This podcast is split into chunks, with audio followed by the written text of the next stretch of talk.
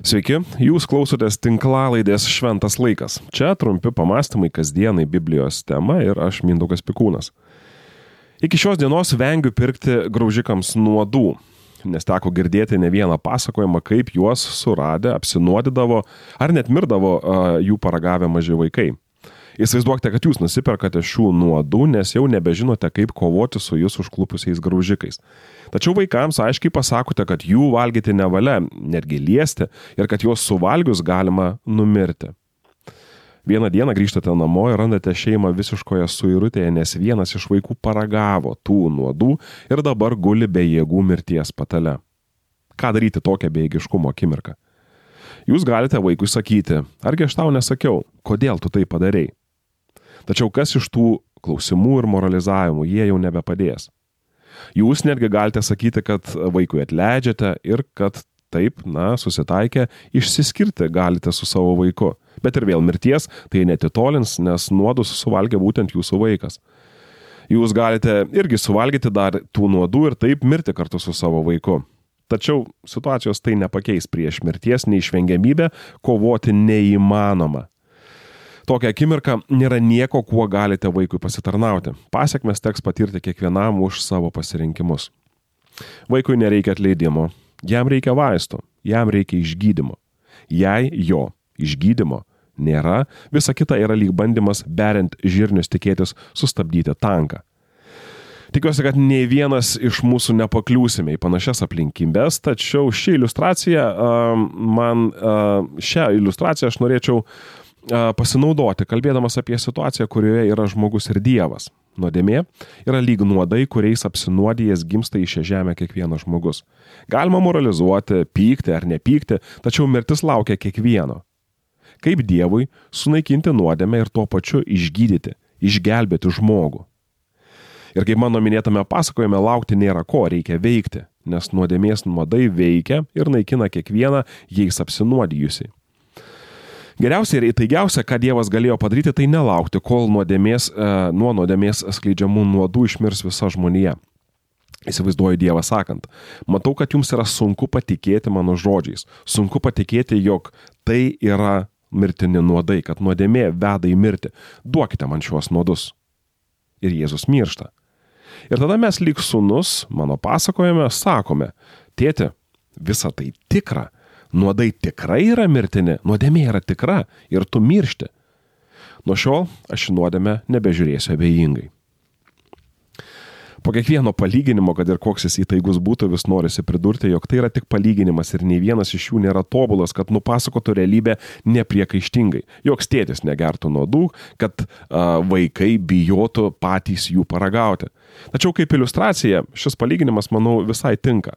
Jėzaus gyvenimas, auka ir prisikelimas yra toks reikšmingas istorinis įvykis, kad žmogui jo aprašyti ir prasmės išsemti nepavyksta jau ne vieną tūkstantmetį. Bet šiandien norisi pabrėžti, jog Jėzus atėjo parodyti nuodėmės šlykštumą. Jis leido šetonui save visiškai atskleisti ir jo, šetono akivaizdoje Jėzaus dieviškumas suspindėjo ryškiausiai.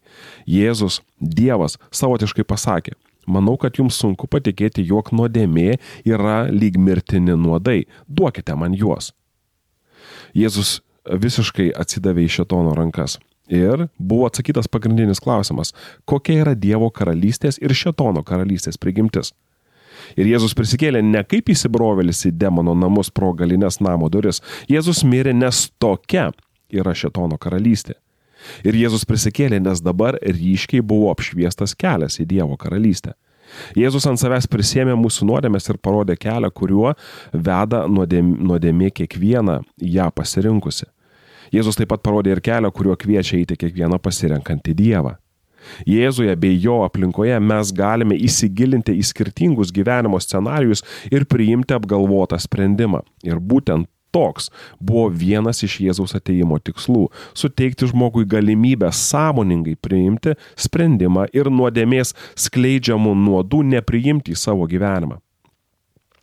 Šiandienos tinklalaidę pradėjau palyginimu, kuris nėra tobulas, suprantu, nes palieka kai kuriuos klausimus nepaliestus, arba kai kuriuos atsakymus nepaaiškintus. Aš nuodėmę prilyginau nuodams, kurie nuodija mūsų organizmus, ne tik fizinius. Čia gal norėtųsi labiau pabrėžti nuodėmės pražutingą poveikį mūsų protams ir jausmams. Ir jei fiziškai paragavus nuodų mūsų kūnai ir gali net laikyti, tai nuodėmės poveikiui mes galime atsispirti kasdien. Ir ne tik kasdien atsispirti, bet ir pradėti gyti nuo jų naikinančio poveikio savo sieloms mes galime kasdien. Ir tai yra gera žinia. Nors reikia nepamiršti, kad ilgai dėlsiant uh, ir atsisakant nuo gydimo, nuodėmės pasiekmes darosi vis pražutingesnės. Ant kryžiaus Dievui nereikėjo susitaikyti su žmogumi. Ant kryžiaus nereikėjo Dievui mirti žmogaus vietoje. Ant kryžiaus nereikėjo sumokėti kainos už žmogaus nuodėmę. Ant kryžiaus. Aš žinau, kad a, mes naudojame dažnai tas šias formuluotės a, ir jos a, nėra, jose nėra nieko blogo galbūt iš principo, tačiau jos yra pakankamai įdingos, nes gali Dievą nušviesti abejotinoje šviesoje. Ne Dievui reikėjo susitaikyti su žmogumi, o žmogui su Dievu.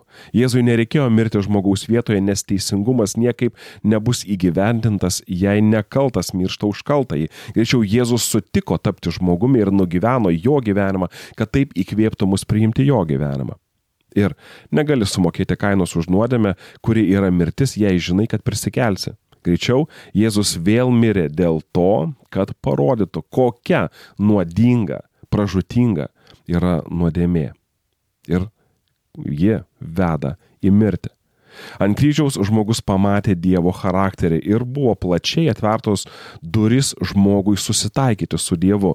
Ant kryžiaus Dievas nugyveno savo gyvenimą ir ant kryžiaus Dievas prisėmė žmogaus dalę. Atskleidė nuodėmės pragaištingą pavojų ir ant kryžiaus, kai Jėzus sušuko atlikta, Dievo charakteris buvo pilnai atskleistas. Svarbi kova buvo laimėta. Ir nors ši pergalė yra esminė, po jos prasidėjo darbas kiekvieno žmogaus širdyje. Neužtenka pakviesti visus norinčius ateiti pas nugalėtoją.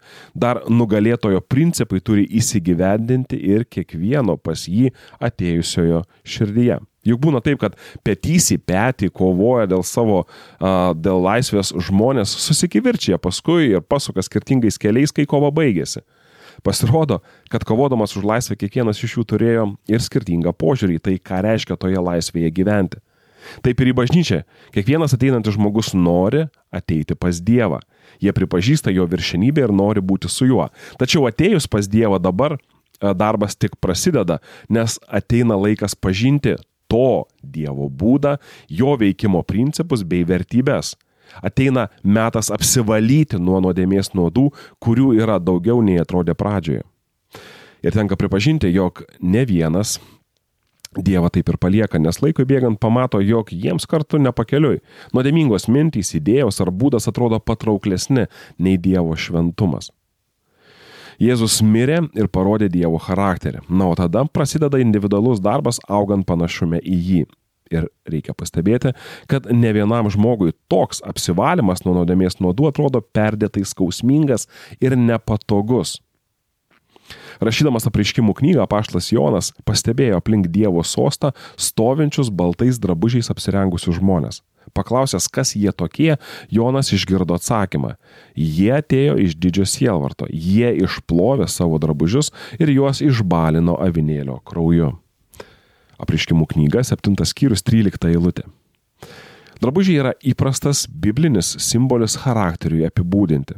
Dievo artumoje bus tie, kuriems Jėzaus mirtis padarė lemiamą įtaką jų charakterių formavimuisi. Jie bus ten, nes a, ne vien dėl to, kad teisiškai jie buvo išteisinti, bet jie bus ten, nes a, pamilo Dievą ir patikėjo jo žodžiu pamilo Dievą, kurį apreiškė Jėzus.